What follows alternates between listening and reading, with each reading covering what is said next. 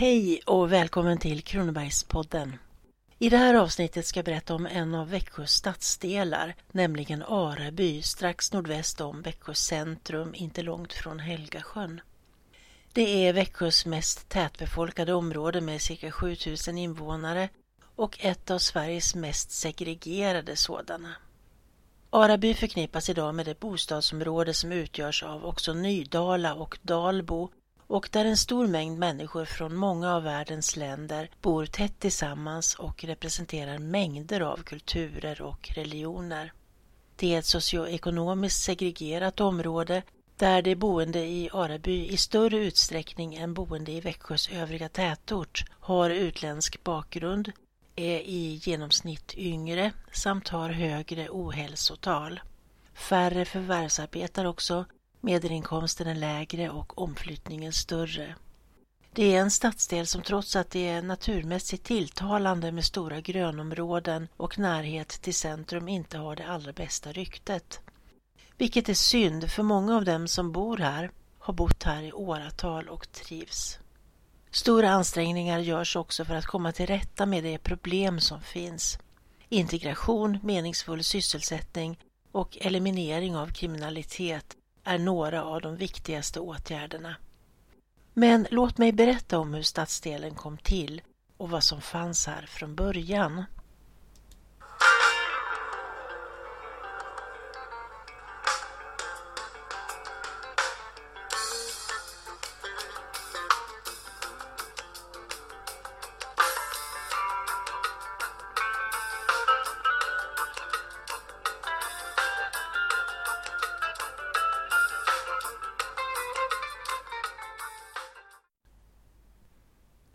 Området har bebotts av människor i minst tusen år och man har gjort många arkeologiska fynd här.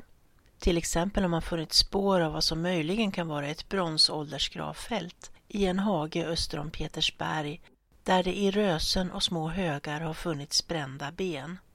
Andra arkeologiska lämningar är ett stort antal rösen från bronsålder eller äldre järnålder samt en domarring som en gång i tiden bestod av nio till större delen meterhöga breda block som påminde om bautastenar. Carl von Linné passerade Araby på väg hem från en resa till Öland och Gotland 1741 och skrev följande. Araby, en gård häradshövding Unge tillhörig, som ligger en halv mil från Växjö, besågs idag med de många ätteplatser ättestenar och Helgasjö som låg där bredvid. Enligt Peter Wieselgren hörde Linné också talas om en Silviaestad här, där det skulle ha funnits en gammal uppmurad offerkälla som kallades Leverkällan. Här badade man enligt folksägnen innan man begav sig till templet på Helgö. I mitten av 1850-talet ska denna källa ha benämnts som Silverkällan. Ursprungligen var området en bondby. Historisk centralpunkt för trakten är Araby gård, cirka fyra kilometer nordväst om Växjö centrum, där Växjö Golfklubb idag håller till. Tre hemman fanns under medeltiden i Araby. Gummesgård, Sjögård och Södregård. Alla tre tillhörde kyrkan. Sjögård och Södregård ägdes av Växjö biskopssäte och Gummesgård av Sankta Katarina i Prebende i Växjö. På 1530-talet blev dessa gårdar, liksom så många andra som var i kyrkans ägo, föremål för Gustav Vasas reformation, vilket innebar att de tillföll kronan och blev kronorusthåll. Det införlivades med Kronobergs kungsgård som just under Gustav Vasas tid omfattade ett mycket stort område. Öarna norr om Kronobergs slottsruin samt stora delar av Helgö och vidare så långt bort som till herrgården Ekna i norra delen av Helgasjön, Rottnes kvarn vid sjön Innaren och vattenfallen vid Helgevärma. 1647 gjorde kronan under drottning Kristinas regeringstid en friherrskapsdonation till Per Eriksson Sparre som omfattade kungsgården Kronoberg, sex gårdar i Hov, en kronogård vardera i Skir och Hållstorp och de tre gårdarna i Araby. Allt detta blev ett nytt friherrskap där nästan hundra gårdar i socknarna kring Växjö ingick och som kom att bilda en särskild rättskrets som gick under benämningen Kronobergs borgrätt. Det varade fram till 1680 då Karl XIs reduktion gjorde att friherrskapen och borgrätten försvann och kronan återigen blev ägare till allsammans. Vid 1700-talets början friköptes Arebygårdarna av landssekreterare Anders Malmén som lät bygga upp dem i pampig stil i tre våningar och med flankerande tornförsedda flyglar. Vid Malméns död år 1718 blev den ingifta släkten Unge genom Malméns dotter Sara Elisabeths äktenskap med häradshövding Anders Unge nya ägare fram till början av 1800-talet. Sonen Per Unge ägde gården under senare delen av 1700-talet. Så småningom blev gården återigen rusthåll vilket innebar att man under indelningsverkets tid istället för skatteplikt var skyldig att för kavalleriet vid behov stå till tjänst med ryttare med häst. 1828 köptes gården av generaladjutanten friherre Karl Henrik Vrede och efter honom blev hans son friherre Karl Edvard Vrede ägare. 1888 köptes gården av grosshandlare Johan Elof Berg som rustade upp gården 1890 och byggde ett nytt corps de logis i två våningar med torn och 14 rum. Vid sekelskiftet 1900 hörde inte mindre än 15 torp, bland annat Danneborg, till Arebygård. Vid slutet av 1800-talet var torparna ålagda att göra tre Karlsdagverken i veckan, 15 extra Karlsdagverken vid anfordran per år och deras hustrur 30 hjälpekvinnsdagverken per år och extra kvinnsdagverken vid anfordran. Ersättningen för extra Karlsdagverken, som främst gällde under sommaren, var en krona och för kvinnorna 60 öre. Till de barn som utförde dagsverken betalades 25 öre. Bland lokalbefolkningen kallades Areby gård för slottet. 1909 genomgick Areby gård laga skifte. Följande fastigheter omfattades av skiftet Areby Södergård, Areby Gummesgård, Areby Sjögård, Tegeludden och Östergärde. På Tegeludden bodde kåsören Margareta Göte Dahlgren som under många år var knuten till Växjöbladet Kronobergaren och tillhörde en av Växjös mest kända tidningssläkter, familjen Göte, där flera medlemmar under flera generationer var VD och ansvarig utgivare för Smålandsposten. Tegeludden har sitt namn efter det tegelbruk som fanns här från början av 1800-talet och hundra år framåt. I Ny Smålands beskrivning från 1909 kan man läsa följande. Förr fanns åt Araby ett tegelbruk. Ehurus senaste handelskalender upptager detta såsom ännu befintligt är det för länge sedan nedlagt och det måste anses märkvärdigt att en sådan anläggning någonsin här kommit till stånd enär för tegeltillverkningen lämpligt material nästan fullständigt saknas. Leran till teglet fraktades nämligen hit med hjälp av pråmar från Lerike vid en annan del av Helgasjön och brändes sedan till tegel i en tegelugn vars ruiner än idag finns kvar. Teglet användes bland annat vid byggandet av fängelset i Växjö. Tegelmästaren vid bruket bodde i den lägre delen av det hus som Margareta Göte Dahlgren var bosatt i. Margareta har berättat att hon i sjön har hittat många ölflaskor efter tegelbruksarbetarna som kastat bort dem sedan de blivit tömda. En sorglig rivningsrest i viken mellan Tegeludden och Sjöudden är delar av det gamla vackra högre allmänna läroverket i Växjö från 1889 som magnifikt stod vid Växjösjön ungefär där parkeringshuset vid centrallasarettet finns idag. Det var Växjös näst högsta byggnad efter domkyrkan och ett imponerande 30 meter högt bygge i trä i italiensk renässansstil. Det revs 1966 och dumpades i Helgasjön som fyllnadsmaterial. Mellan 1928 och 1959 ägdes Areby gård av major Bertil Askan med familj. De bodde dock inte på själva gården utan i den så kallade Solgården som ligger längs allén upp mot huvudbyggnaden. Sedan familjen Askan flyttat från Areby hyrdes huvudbyggnaden av Skogsvårdsstyrelsen som mellan 1959 och 1969 bedrev skogsbruksskola med skogvaktarutbildning här och använde byggnaden som internat och bostad för skolans personal. Skolans elever kallades av lokalbefolkningen för skogsindianer eftersom de lät skägget växa under den fem månader långa utbildningen. Sedan de rivit ner den kolmila som det ingått som kursuppgift att bygga upp och använda sålde eleverna också träkol på Växjö torg. Idag är Araby gård värdshus och sedan 1969 är Växjö Golfklubb inrymd i byggnaden. Utanför breder golfbanan ut sig över ett vackert kuperat område som tidigare var inägomarker under Araby gård men sedan 1971 är naturreservat. I nära angränsning till herrgården finns sedan början av 1960-talet Areby ridhus och bara cirka 150 meter därifrån en båthamn och badplats vid Helgasjön i det som kallas Öjabyviken. Den naturintresserade kan njuta av alla stora gamla ekar, bokar och hasselbackar som finns i området.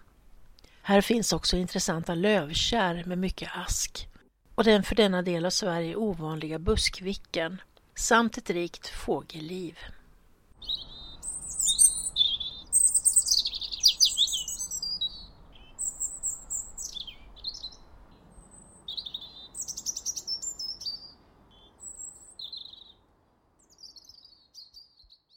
Vid Pettersberg, på gränsen mellan byarna Araby och Hov, fanns under mitten av 1930-talet en skogsplantskola som Skogsvårdsstyrelsen drev. Den låg längs med skolvägen till Hovs skola. Tio år senare tillkom just vid Pettersberg en ny och ännu större plantskola. Och inte långt därifrån hade länsskogvaktare Ola Nilsson under 1950-talet både en egen plantskola och en rävfarm. Ännu på 1920 och 30-talen fanns många av de gamla åkrarna och ängarna kvar omkring herrgården. Där gick kor och hästar och betade och bebyggelsen var relativt gles. Den äldsta vägen mellan Araby och Växjö centrum gick via Hov. På 1930-talet gjordes en rakare och mer tidsbesparande väg längs det som idag är Ulriksbergspromenaden.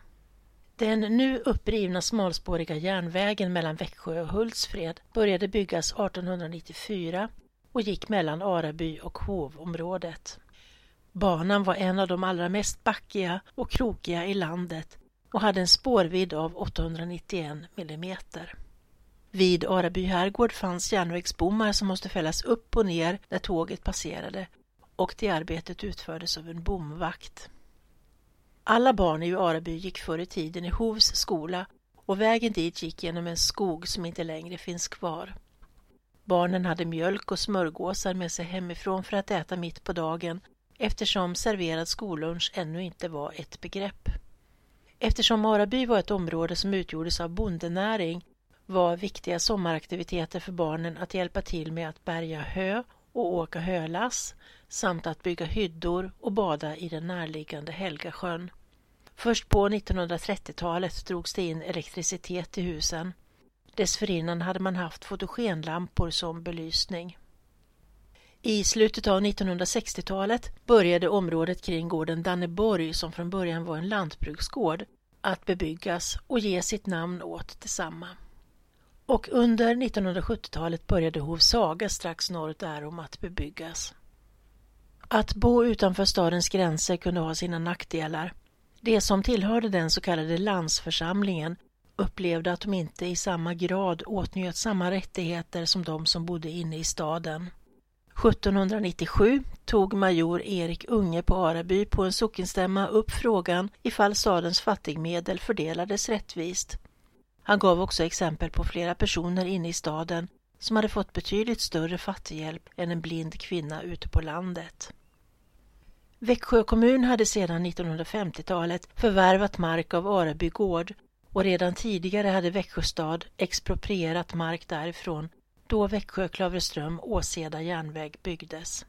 Delar av Arabygårds egendom som angränsade till stadens nordvästra del hade börjat utstyckas till tomter redan omkring 1910. Men först under 60-talet byggdes Arabyområdet ut och expanderade på allvar. Det skedde under satsningen på det så kallade miljonprogrammet. Ett program för bostadsbyggande där den socialdemokratiska regeringen under en tioårsperiod mellan 1965 och 1974 varje år beviljade lån till byggandet av 100 000 bostäder. Och nu gick byggandet snabbt. Byggtakten var ungefär ett hus i månaden.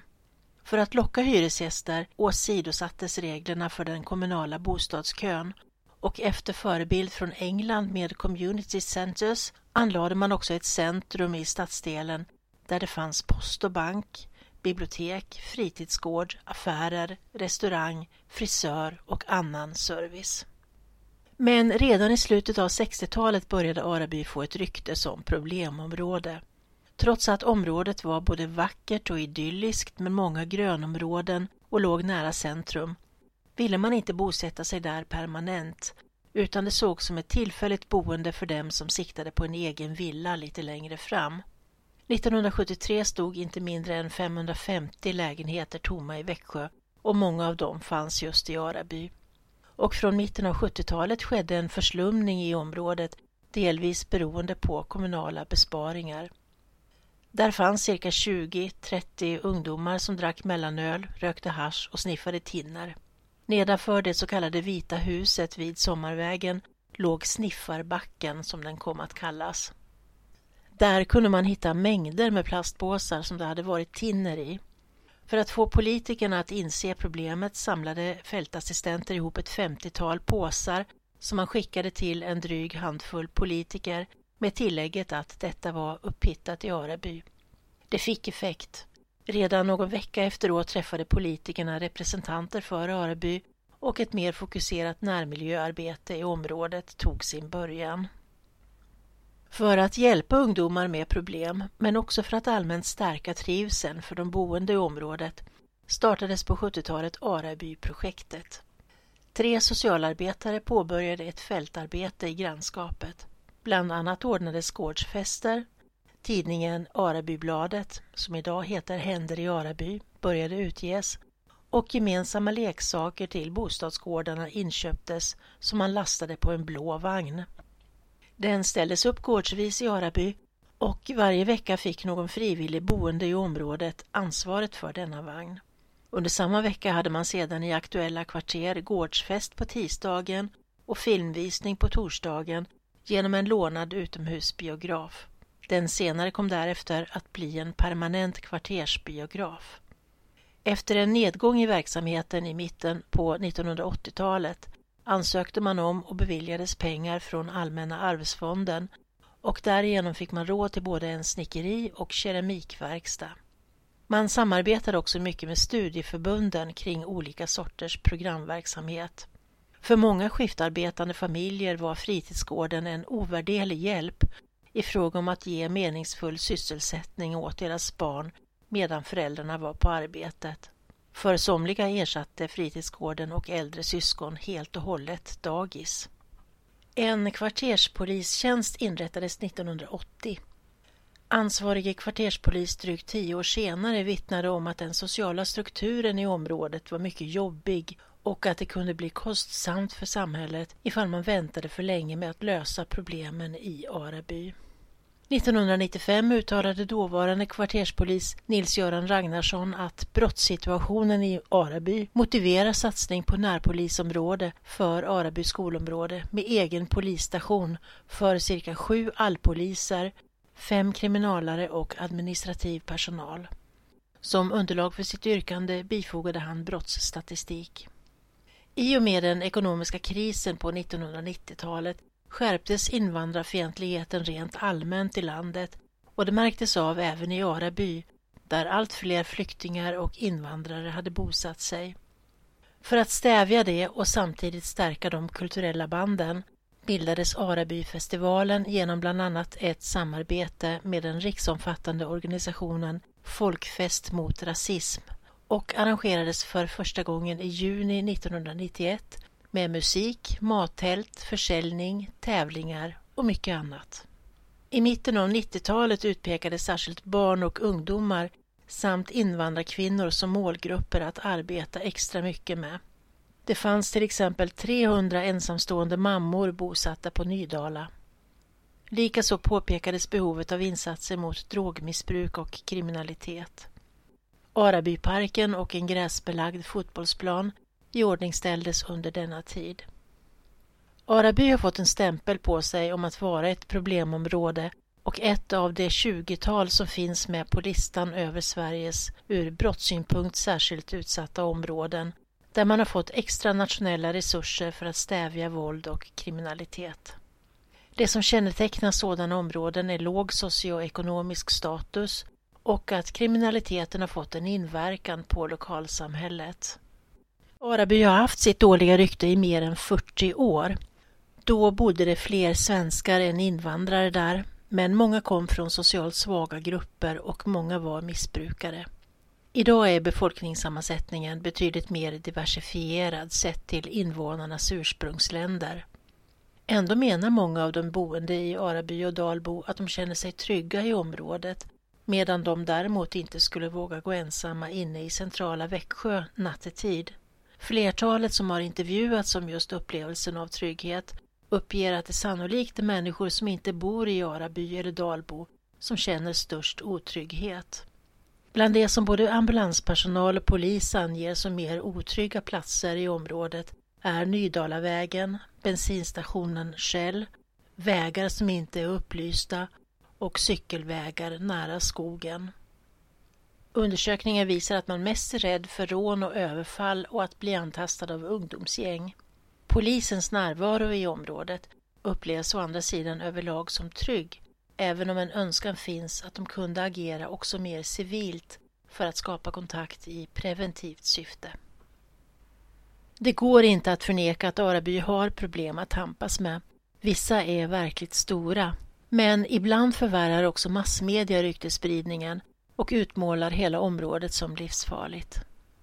Onyanserad journalistik kan resultera i ytterligare negativa följder som till exempel att människor helt enkelt flyttar därifrån i ren rädsla. Som alltid är det relativt få som skapar disharmoni och otrivsel medan övriga vill leva i lugn och ro. Det är därför viktigt att media rapporterar också om det positiva som äger rum i området. Ett stort problem är emellertid trångboddhet. Många bor tillsammans i stora familjer och det kan vara svårt att få lugn och ro och finna avskildhet. Många ungdomar söker sig därför utåt, men vet inte riktigt vad de ska hitta på. Att komma som nyanländ till ett främmande land där man till en början varken kan språket eller känner till kulturen och inte vet hur samhället är uppbyggt och vad det kan erbjuda är också en prövning. För att motverka sådant har man därför kommunalt och ideellt genom diverse föreningar satsat mycket på medborgarinflytande samt integrationsbefrämjande och gemenskapsinkluderande arbete. I området finns till exempel träffpunkten Panncentralen i Dalbo som är en mötesplats för människor i alla åldrar där man kan fika, använda internet, läsa tidningar, spela spel och till och med basta. Fritidsanläggningen Araby Park Arena invigdes 2011 och är inte bara en handikappvänlig inomhushall för idrott utan också ett viktigt centrum för olika sorters kulturella aktiviteter i området. Där finns också en mindre möteslokal som intresserade kan boka. Alla är välkomna dit, även de som inte bor i området och vissa aktiviteter är riktade bara till kvinnor. Och till Tallgården kan man komma för att fika, umgås, spela spel, besöka biblioteket, få hjälp med sina läxor, delta i språkcaféer och olika kulturprogram och kurser. På Tallgården fanns fritidsgård redan på 1970-talet och här föddes också den idag fortfarande verksamma pantomimteatern Girola, skapad av Galo Gonzales. Och på Medborgarkontoret kan man få hjälp med samhällstjänster, med att få saker och ting förklarade för sig, översatta till sitt hemspråk, få veta hur man betalar räkningar och mycket mer. Araby är bondbyn som expanderade och blev en stadsdel med hela världen i miniformat. Här finns problem, men framför allt resurser och möjligheter och mycket att bli inspirerad av.